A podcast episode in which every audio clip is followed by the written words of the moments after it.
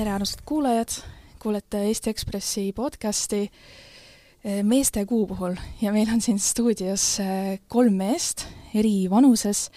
kohe tutvustan neid mehi teile, mina olen Anna Delora, Eesti Ekspressi ajakirjanik ja siis stuudios on meil, alustame nooremast, Karol Kuntsel, näitleja. tere! ütle oma vanus ka. nelikümmend kaks vist, jah, nelikümmend kaks. no pärast kontrollime üle. jah, või kolm siis on stuudios äh, Peep Pahv, ajakirjanik ja treener. ja tervist, viiskümmend kaks. viiskümmend kaks, super. ja siis meil on stuudios spordibioloog Kristjan Port. tere, kuuskümmend kaks. no super, kümneaastaste vahedega. et vaatame, et kas siit hakkab ka siis põlvkonna vahe välja tulema, et äh, sellepärast me olemegi siia tulnud, et rääkida sellest, kuidas siis eri põlvkonna mehed tajuvad kogu mehelikkuse teemaga seotut algselt pidi tulema ka üks äh, kahekümneaastane noormees, ta ei tulnud, aga mul on õnneks tema küsimused ja vastused ja need on needsamad äh, küsimused, millele siis meie stuudios olevad mehed juba vastasid.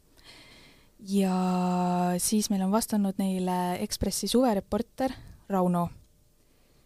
ja tegelikult, kui ma tema vastuseid lugesin, siis sealt oli küll tajuda seda, et ta on äh, niivõrd palju noorem. et tema võib-olla oli rohkem nagu välja toonud seda soostereotüüpide teemat äh, niimoodi, et temale võib-olla see siis oli natuke nagu häiriv või niimoodi, et et võib-olla kõigepealt ma küsikski teilt, et kui te neid küsimusi lugesite ja vastasite, kas äh, kas teil tekkis äh, nendega seoses ka mingisuguseid uusi mõtteid, mida tähendab olla mees, mis on mehelikkus, soolise võrdõiguslikkuse küsimus, kas tekkis mingisuguseid uusi mõtteid? No minul äh, tegelikult kas just jah, tegelikult tekkis küll, sest et äh, ma pean tunnistama, et ei ole mõelnud nende selliste küsimuste peale niimoodi varem igapäevaelus. elad lihtsalt oma elu ja siis äh, jah, tihtipeale ei, ei mõtle sellistel teemadel mina mõtlesin kohe selle peale, et see üks küsimus sai ainult naisterahvas esitada, sest et nagu sa ütlesid, igapäevaelus nende peale ei mõtle ja, ja ei mõtle ka, et, et et see saabki olla niisugune naiste urgitsemine meeste sees.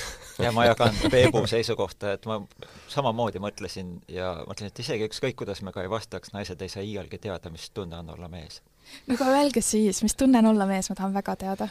parem jah, parem, igal juhul parem, jah. mille poolest no mees on mees, no mees on ikkagi see nii-öelda tugevam pool ju, noh, siin ei ole midagi isegi arutada. aga kas füüsiliselt või ka vaimselt? igatepidi. kas on nii, Karol, kas no, sina nõustud? ma võib-olla vaidleks vastu, et tihtipeale ma olen äh, märganud seda tegelikult elus, et vähemalt ma olen Saaremaalt pärit ja noh, öeldakse, et saare naised on sellised kanged ka, et tihtipeale on on see, vähemalt sealkandis on naised need, kes äh, nii-öelda annavad suuna või hoo, et, et ähm, ja noh, muidugi see sõltub inimesest, et on nõrku naisi, on nõrku mehi. ei no suunajoonad võivad anda, aga lõpuks need, need rasked asjad tuleb meestel ikka ära teha, mis, mis naiste poolt on ette antud. Noh. sama mõte, et äh, kui Eesti naised on tugevad naised, et äh, et järelikult mehed peavad olema ääretult tugevad seal kõrval aga teil on juba, on ju, viiskümmend, kuuskümmend aastat kukil, et kas te ei ole tundnud, et et see, et te peate olema nii tugevad, on teile kuidagi vahel eriliseks raskuseks kaelas olnud? ei, mis mõttes, et peame, no me ei, no selle peale ei mõtle, no sa lihtsalt oled nagu sa oled, no mees teeb ikka meeste asju. aga mis on meeste asjad? No kõik, no nagu ma su ankeedis ka vastasin, et kui koduseid töid sa küsisid, mis, mida teed, no ikka lund on vaja rookida, siis ikka mina lähen roogin, muru vaja niita, üritan niita, ma ei tea, mingeid raskemaid, füüsiliselt raskemaid asju teha, no see on, see on ju meeste töö kodus, noh. kokkuvõttes oleks ju, oleks ju veider, kui see oleks nagu teistpidi. jah, füüsiliselt rasket tööd, olen nõus, aga kui võtta näiteks, kui on muidu majapidamises suur nagu koorem, on ju vaja palju koristada, lastega tegeleda, süüa teha, kas see peaks olema kõik nagu naiste õlul või seda võib ka kuidagi jagada mehega? ikka võib jagada, aga aga eks seal ikka paratamatult ju kujunevad välja mingid mingid jaotused, noh, ütleme lastega tegelemine ikkagi üldjuhul ja rohkem jääb ikka naiste õlule, see paratamatult nii on ju noh. aga mis siis, kui näiteks naised ühel hetkel ütlevad, et nemad ei jaksa enam ja nad tahaks, et mehed ka appi tuleksid? see ei ole tegelikult hea küsimus selles suhtes, et ei saa ju öelda, et naine ei jaksa ta lihtsalt teeb seda teisiti. Ja, ja see lapse kasvatamisel, et miks see tööjaotus on tekkinud, et, et mehed teevad teatud raskeid asju elus, kuna keha kannab seda rohkem välja, seda empaatiavõimet naistes on natukene rohkem, ja laste kasvatamisel lihtsalt see tasakaal kaldub sinna, aga selge see, et ühel hetkel see laps vajab ka taolist natukene äh, rough and tumble mängu, mida poisid ju omavahel päris tugevalt ka teevad ja, ja selles suhtes on kindlasti isa või, või mehe roll, see võib onu, see võib naabrimees olla, mis iganes, et, ta on seal alati olemas. aga millegipärast meie sellises vestluses käsitletakse lapse kasvatajana ema või naisterahvast ja võib-olla just seetõttu see küsimus ei ole tegelikult noh, kõige korrektsemalt esitatud, et et, et me ei näe tihtipeale seda mehe rolli, vaid näemegi lapse kasvatust lihtsalt naise tööna. ma võtaks sõnasabast kinni, sa ütlesid, et äh, naistel on rohkem empaatiat. no Karol, sina oled näitleja, näitleja peab olema empaatiline. kuidas sa kommenteerid seda, kas naistel on rohkem empaatiat või mitte? mitte meeste suhtes. Äh, no ütleme nii, et äh, võib-olla ma ei ole ka päris adekvaatne, ma ei tea, sest mina töötan, eks ju, teatris, kus ongi, minu ümber on näitlejad, võib-olla rohkem kunstnikud, eks ju, et kellel võib-olla seda empaatiat on rohkem, võib-olla kui tervikpilti vaadata. ma ei tea, kas seal, kas, kas, kas tõesti meestel on vähem empaatiat või on lihtsalt ühiskonnas seda alla kuidagi nagu kirjutamata reeglitega lihtsalt ei näidata või noh, et seal nad suruvad alla seda, et et millegipärast mul on tunne, et ähm, et inimene on inimene, noh. Et ol-, ole sa naine või mees, tegelikult sa oled võimeline võrdselt empaatiaks. ja ma just hiljuti täiesti, täiesti juhuslikult puutusin selle empaatia teemaga palju sügavamalt kokku. Ja, ja empaatia on ju see sinu võime tunda ära teises inimeses neid tundeid no meestes on natuke teistsuguseid kogemusi, mille põhjal ta tunneb teise inimese tundeid ära. ja tihtipeale seda mehe empaatiat ei käsitletagi üldse empaatiana, vaid noh, kuna me oleme vaiksemad või ei väljenda neid tundeid samal moel, siis öeldakse, et mehed ei oma empaatiat, kuigi see on selgelt olemas.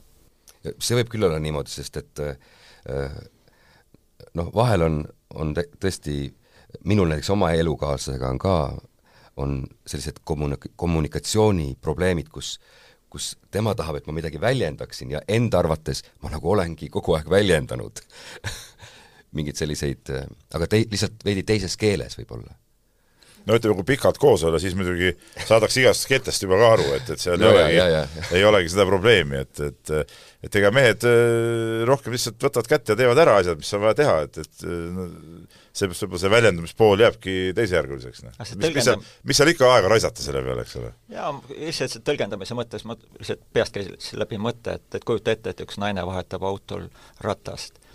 teised naised kogevad seda hoopis teisiti kui mehed ja, ja siis tekib küsimus, et kellel on rohkem õigus.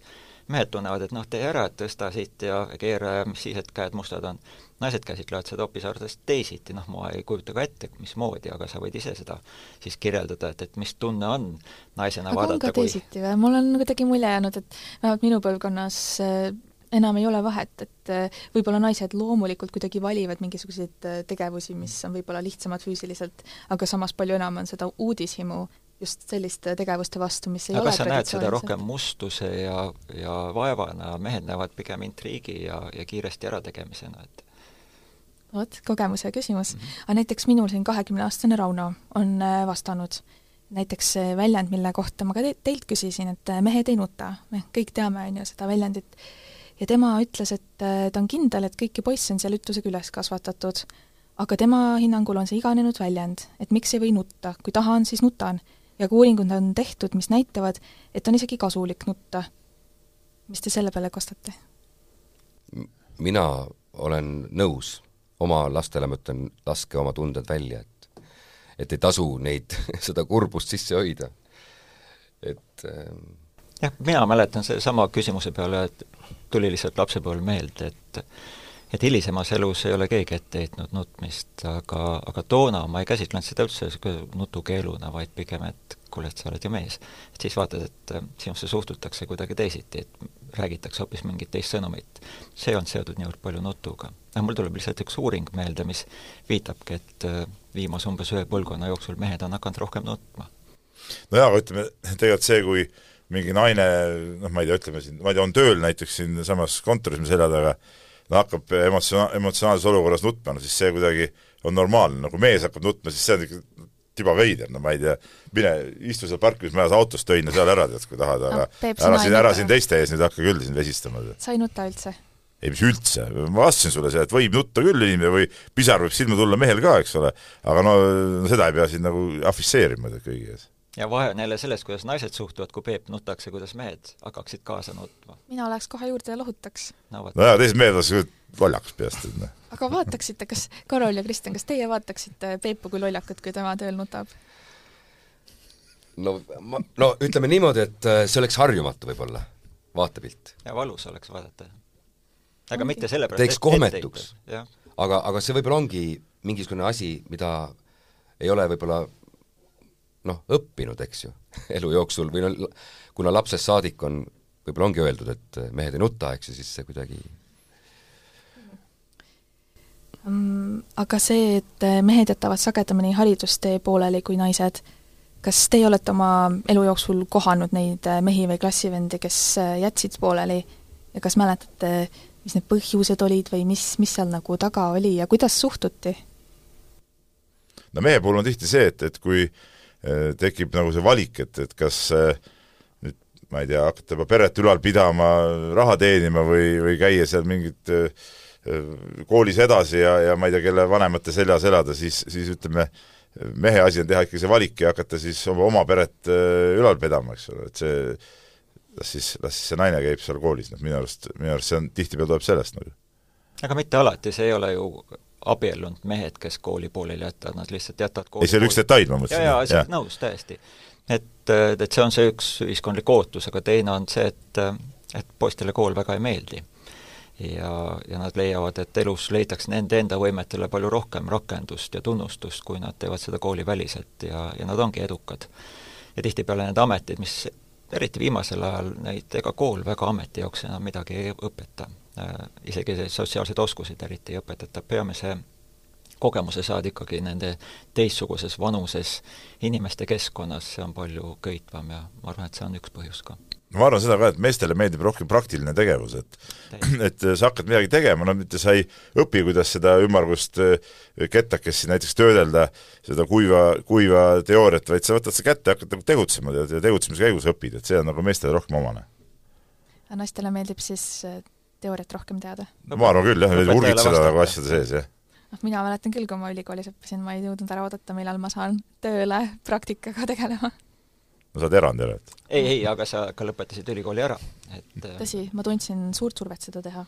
aga no see on ka jällegi no ütleme, selline ühiskondlik surve, et et noh, tüdrukud ongi, peavadki olema korralikumad ja ei määri oma käsi ära ja on, õpivad korralikult ära ja vastavad ja noh, et poistesse suhtutaksegi rohkem kui ongi morakratid ja maadeavastajad ja et eh, ma arvan, et see ei ole ühiskondlik surve, vaid see on ühiskondlik optimeerumise tulemus, et kui sa vaatad üks õpetaja, kakskümmend seal neli, kolmkümmend õpilast, et see see süsteem ei saa optimeeruda lõpuni ja, ja lõpuks õpetaja instinktiivselt eh, tegeleb nendega, kes eh, õpetajast rohkem aru saavad, ehk õpivad. ja selleks on peamiselt tüdrukud. ja mäletan statistikat, kus iga saja poisi kohta või iga saja tüdruku kohta, kui palju poisse karistada saab, see on umbes kolmsada kolmsada pluss, et, et see näitab, et see süsteem lihtsalt optimeerub teise suunda ja siis kogu see signaliseerimine ja need vihjed viitavad sellele, et poisid ongi sellised äpud ja ei saa ja rikuvad korda ja saavad asjadest valesti aru. ja siis, kui nad ülikooli jõuavad, eh, siis on näha, et eh, osa tüdrukud, kes on viielised, ei saa ülikoolis hakkama. aga poisid, kes on just kolmes, kolmelistega kuidagi sinna ülikooli sisse saanud, need löövad särama ja üheks põhjuseks on see, et see poiss on pidanud kogu oma viimased kaksteist aastat iga päev ennast välja vabandama, miks tal kodutöö tegemata on. ja ta on niisugune süsteemi äh, haaraja, aga, aga tüdrukud, kes on arvanud, et kui, kui ma faktid teada saan ja neid ette suudan kanda, et, et see on ülikoolis piisav ja see osutub mitte adekvaatseks.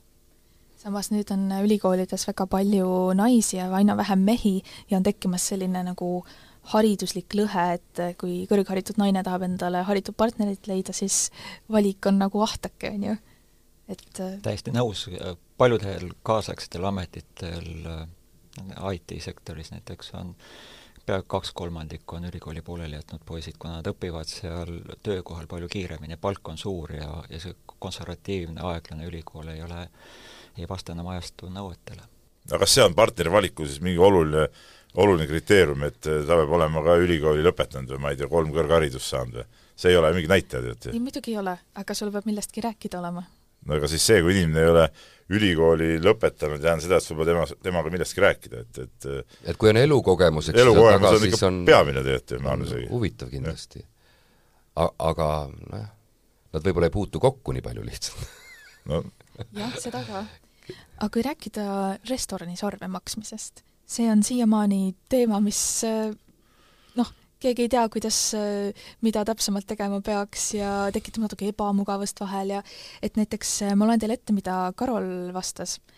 et mina siis küsisin meestelt, et kui tihti nad on restoranis tasunud arve põhjusel, et nad on mehed. ja Karol vastas, et ehk isegi olen, kuna nii on kombeks.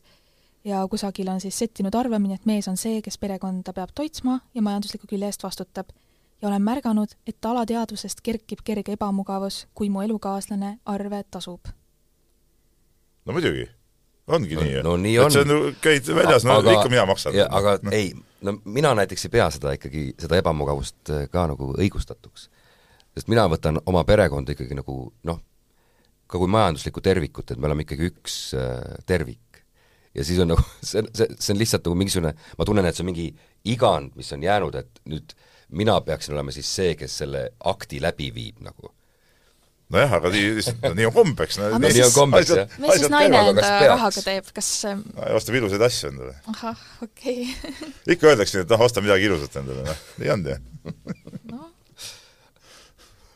aga Kristjan noog-, noogutab jaa, ei, ma olen nõus, et ma sellesse ankeeti kirjutasin ka, et üheksakümmend üheksa protsenti kordadest täiesti reflektoorselt, eriti moraali kaaludel üldse kaalutlemata ja, ja ei muretse selle pärast ka, et, et mis siis see naisterahvas oma rahaga teeb. mina võin öelda, et minu põlvkonnas vist äh, tõesti enam nii ei ole. et äh, kui mina olen kohtingutel käinud, et siis see on kuidagi tavaline, et äh, näiteks üks kord maksab üks või teinekord teine või tehakse pooleks või et siin on küll tunda mingit põlvkonna muutust jaa, kohtingul lähed ju nii, et poiss kutsub tüdruku välja, siis on loogiline ka see, et kes välja kutsub, see ju maksab.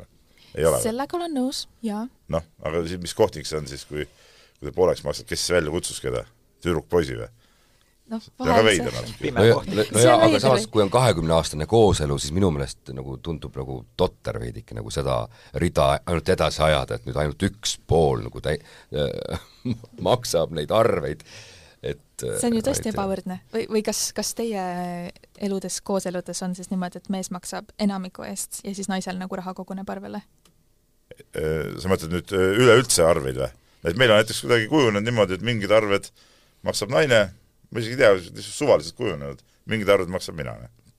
seal mingit näpuga järjeajamist küll ei ole, et et oot, nüüd saeme siit seibi lõhki, et, et äh, täpselt pooleks või mul isegi pole õrna aimu, kui suured need arved on, mis, mis üks pool maksab ja, ja, ja ma arvan, et ta ei tea täpselt, kui suur on see osa, mida mina maksan. see on kuidagi välja kujunenud, nii ja nii on lihtsalt. see niikuinii hakkama saad, ei pööra sellele üldse tähelepanu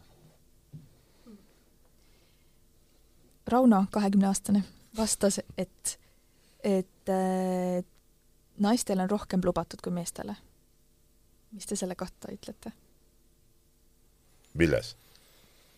no ta tõi näiteks näite, et äh, kui naine läheb sõbrannadega peole, äh, siis see on täiesti okei okay, ja kuigi mees läheb sõpradega välja, siis naised suhtuvad mingi kahtlusega, et oi, et kas minnakse siis nüüd kambaga naisi lantima, et et no aga ikkagi välja minnakse ju see on mingi noorte mingi, mingi veidrus vist teate, vastupidi minu arust, meestel on nagu üldjuhul rohkem äh, kuidagi nagu lubatud, aga noh, ütleme, see on välja kujunenud, mehed ikka vahest käivad niimoodi pummeldamas või või mehed lähevad nii-öelda nagu viina võtma, eks ole, et, et et noh, see on nagu normaalne, kui naine ütleb, et aga ma olen nüüd sõbrannadega seal, seal nagu napsutama, noh siis see võib-olla kõlab ka natuke veidralt jälle. kõik käivad ju.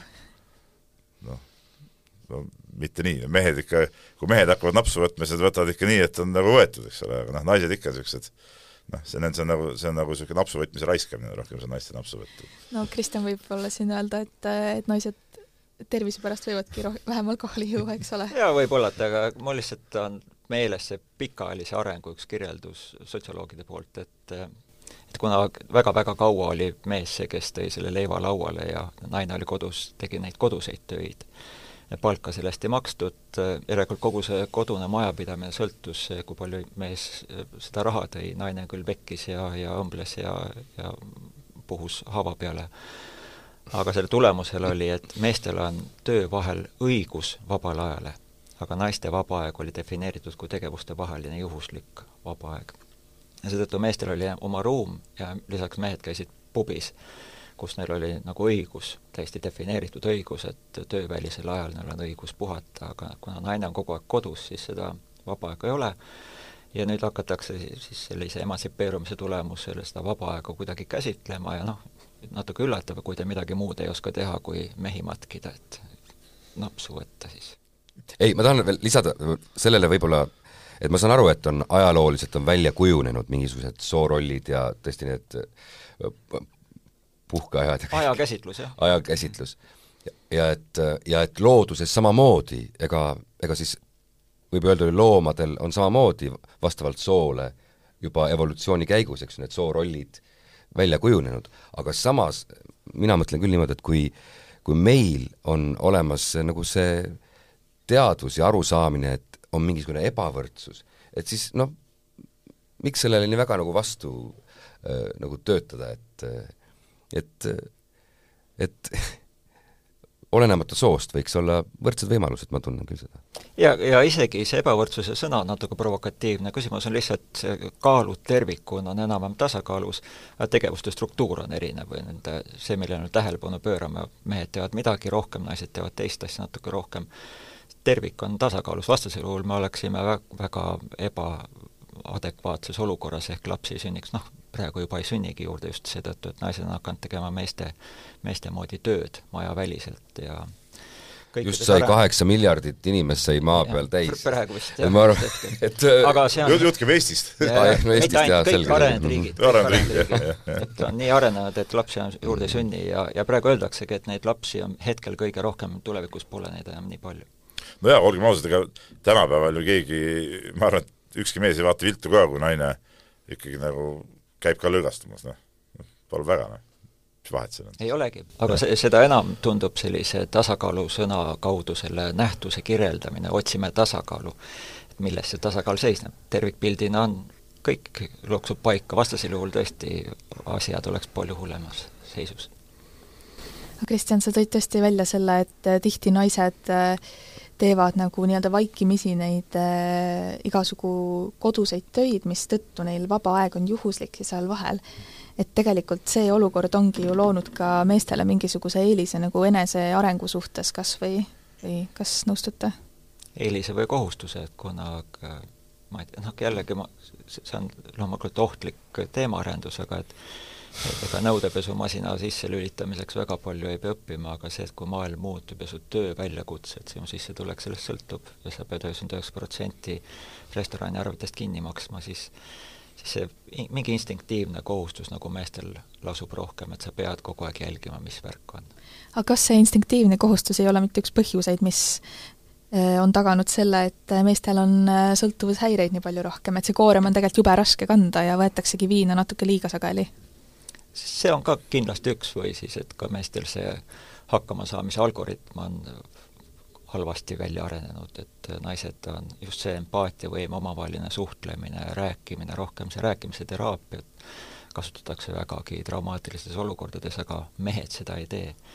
või siis teevad väga-väga lähedaste sõpradega ja ka teatud afektiseisundis, et seda niisama ei räägita. noh, et kui üks pudel on ära võetud, et siis siis lähevad keelepaelad lähevad valla. lähevad valla, siis, siis räägid ära, kuidas asjad tegelikult on. aga seda, et enda lähedaste sõpradega täiesti kainelt rääkida sellest, mis äh, vaevab sinu südant, kas seda, seda ei tule siis ette? ennem on vormel üks kui no minul tuleb vahel ette küll seda ka kaine peaga.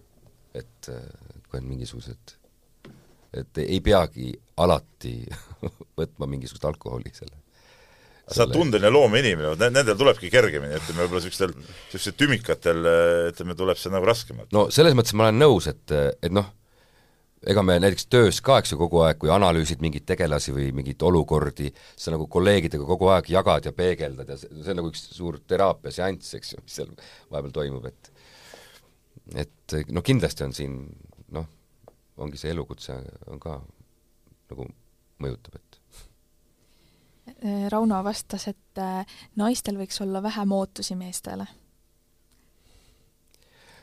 see on üleüldine probleem minu meelest äh, et inimesed kogu aeg eeldavad ja ootavad on ootused. et see ei ole ainult naiste probleem. jaa, tihtipeale mehed ju peegeldavad seda, nad võiks öelda, nad võiks olla nagu must auk, et ei ole. aga kuna mehed peegeldavad tagasi, et jah, et me nüüd proovime sellega ka hakkama saada, siis mida see on see MVP või most valuable player, et, et kui, kui sa oled väga väärtuslik, siis sa oled varsti selles kuldses kirstus, kuna sa oled, kõik asjad kuhjuvad sinu kukile, et, et ja ja noh, ühiskonnas või selles kultuuris vihjed ütlevad ka, et no kuule, ära siis alla anna. seal hakkab see, et ole mees, sõnum kehtima tema vastab ka seda, et tänapäeva noored mehed on juba avatuvamad ja et äkki nad hakkavadki enda lapsi niimoodi üles kasvatama, et on okei okay rääkida oma mõtetest ja tunnetest ja võib nutta ja et see on lõppkokkuvõttes kõigile hea, kui niimoodi lapsi kasvatatakse. Peep, mis sina sellest arvad? vaata, ma tegelen iga päev suhteliselt noorte meestega ka, kuna ma olen treener ja ja, ja ma nagu ei ole küll täheldanud, et äh, aastatega oleks kuidagi need noored mehed avatumaks läinud, et äh, mõnikord on niisugune tunne, et nad ei oskagi rääkida tegelikult, et võib-olla nad oskavad seal sul on ka telefon praegu käes, et võib-olla selle kaudu nad avavad üksteist, aga ütleme, päris inimese kombel äh, rääkimisoskus minu arust äh, läheb aina, aina väiksemaks ja väiksemaks. ja tegelikult muidugi ma ei arvagi, et, et mis see mida, mida sa ikka avad seal, noh ütleme, kui sul on probleemid, siis proovi nendega hakkama saada ja, ja mis sa siis kõigile kuulutama lähed sinna, mis, mis hädad sul on kaelas. aga ma nii palju täpsustaks, et, et see on see ütleme, Facebooki põlvkond, kus peamine kommunikatsioon ongi enda avamine tegelikult väga pinnapealne niisugune nartsissistlik avamine, siis nad tajuvad, oot-oot-oot, aga me siis vaatame teisi ka, et, et mis tema hommikusöögiks oli ja see on hoopis teistsugune avamine. aga tulemus on see, et ega neil lapsi polegi. et nii, nagu me ennem tõdesime, et arenenud ühiskondades, kus see heaolu on kõige kõrgemal tasemel, taastootmispiir on alla järgmise põlvkonna, ütleme selle populatsiooni säilitamise piirist allpool, nii et, et ega sul on alati illusioon, et ma otsin tundelist naist või tundelist olukorda ja naine vaatab, et mul oleks vaja rohkem niisugust mutrivõtmega meest leida. aga mis te arvate, miks äh, see on nii, et mida parem on ühiskonna heaolu, seda vähem tahetakse saada lapsi? see on hästi vastuoluline, et üks põhjus on kindlasti see, et ühiskonna heaolu on kasvanud tänu sellele, et naised on hakanud ka selles ühiskondlikus panuses osalema rohkem ja nendel ei ole aega, mehed ei saa lapsi sünnitada, praegu on selline tööjaotus olnud, kuigi tehniliselt hakatakse juba ka seda probleemi lahendama, mis on hästi ju sümptomaatiline kogu sellele arengule. aga, aga jah, et, et see see ühiskonna arengus heaolu võib ka bioloogilistes süsteemides näha, et, et kui olukord läheb paremaks, siis sellised hermafrodiit, näiteks osa kalu on, muudavad sugu ja siis tasakaalustatakse seda populatsiooni, et nad ei kurnaks oma ressurssi välja, et seal on palju selliseid dimensioone, et see ei ole sugugi see, et, et meeldib, ei meeldi. palju, palju huvitavam temaatika. lõpetuseks küsiks, et äh, äkki teil on kellelgi rääkida mingi lugu, mingi meenutus sellest, kuidas te rääkisite oma meessoost sõpradega ähm, ütleme siis väga südamest südamesse juttu ilma alkoholita. noh, ütleme, kui ilma alkoholita ei meenu, siis võib-olla mõne vurtsuga lugu. mulle tundub, et ühel mehel on siin need lood kohe võtta, et no ma ei tea nüüd, siis ei pea väga detailidesse väga laskuma, aga no millest no näiteks äh, kogu, kui see kogu koroona, äh, koroona langes meie peale ja hiljem see sõda, eks ju, et kõik kuidagi sellega seoses ikkagi mingid pinged on nagu üleval, eks ju, mingisugune stressitase, stressi, stressi foon. et no näiteks sellest me oleme rääkinud. noh. Teil oli ka see, et ei saanud tööd teha, on ju, teatrid olid kinni? jah, ega, ega iseenesest selles ei olnud ju midagi noh, oligi teatud mõttes selline Puhkus. sa ei saanud teha, eks, et see on teatud mõttes puhkus, selles ei ole midagi noh, jubedat ühe, ühest küljest, aga et et lihtsalt kogu see kas meediast või mingi selline foon, mis ärevust tekitab, eks ju, et noh, seda oli küll tajuda, et, et, et see on mingisugune noh, laiem nähtus, mis, mis vaevab inimesi aga näiteks kui on elus olnud pistmist südamevaluga, neiu on maha jätnud või südame murdnud, kuidas, mis siis teete, kellega räägite? no mis siin pole midagi arutada, mis sa siin arutad selle? aga raske on ju, valus on, mis sa teed? Kannatada, rohtu võtta. meie asi on Kannatada, kannatada, täpselt. et kas võidad tagasi või, või läks, siis läks. et kuna enam-vähem see tasakaal on ju, et ikkagi mehed-naised teineteist leiavad, et, et see paistab, et töötab, et need naised kannatavad ühtemoodi seda lahkuminekut ja mehed kannatavad teistmoodi ja ikka lõpuks sellest valust päästakse kuidagi järgmisele ringile. No ütleme, kuna mees võtab naise, eks ole, siis mees läheb jahtima nagu uut, uut naist siis, kui kui niimoodi, niimoodi on, kui see selle valu ära, ära tuimestab siis. aga Peep, sina vastasid jah, et mees võtab naise ja naine meest ei võta, aga mulle ikkagi nagu tundub, et see valik on kuidagi mõlemapoolne ja kui naine nagu ei ütleb, siis mees teda ka võtta ei saa. ei, muidugi ei saa, aga ütleme selle no see su küsimus oli, tulenes sealt, kes peab mingeid esimesi samme tegema, mina arvan, et tark naine teeb niimoodi, et mees arvab, et ei, see võib täpselt nii olla, aga kokkuvõttes ikkagi ütleme, no ettepaneku, et abiellumine teeb ikkagi mees ja see oleks ka veider, kui mingi naine tuleks juurde, et kuule, kuule, tule mulle meheks, noh. ma ei tea, no see ei ole ka nagu päris pole asjad ei käi harjumuspärane, nagu tead. pole harjumuspärane, aga tead sa mõnda või? ei tea. ei ongi, et te, te ei tea, kui naine oleks palunud meheks, et mina isegi mõnda sellist äh, täitsa tean ju. aga ma kujutan ette, et, et on ka palju selliseid noh, kus on nagu koos jõutud ühis, ühiselt selle tulemuseni. ei no seda kindlasti jaa, aga mõtlen noh, aga noh, öeldakse ka, et noh, et, et, et võtab naise ja läheb mehele. Öeldakse, jah. no et see no vastab, vastab ju, selline see vastab ju tegelikult tõele. see, nojah, Ja ma tean, et, et küsimusele ei peaks küsimusele vastama ka, et, et mis sa ise ette kujutad, kui sa lähed, ütled mõnele mehele, et kuule, et sõlmiks abielu. on sul mingeid fantaasiaid? fantaasiaid. ei, mina arvan, et see on lihtsalt väga, see võiks ka olla mehele väga nagu ilus hetk ju tegelikult, kui naine ütleb, et ma tahan sinuga abielluda, ma arvan, et nagu suuremat äh, au ei saa olla. jaa, aga see on see kirikus see lõplik, et, et, et kas te olete nõus ju, siis mõlemad ütlevad jah.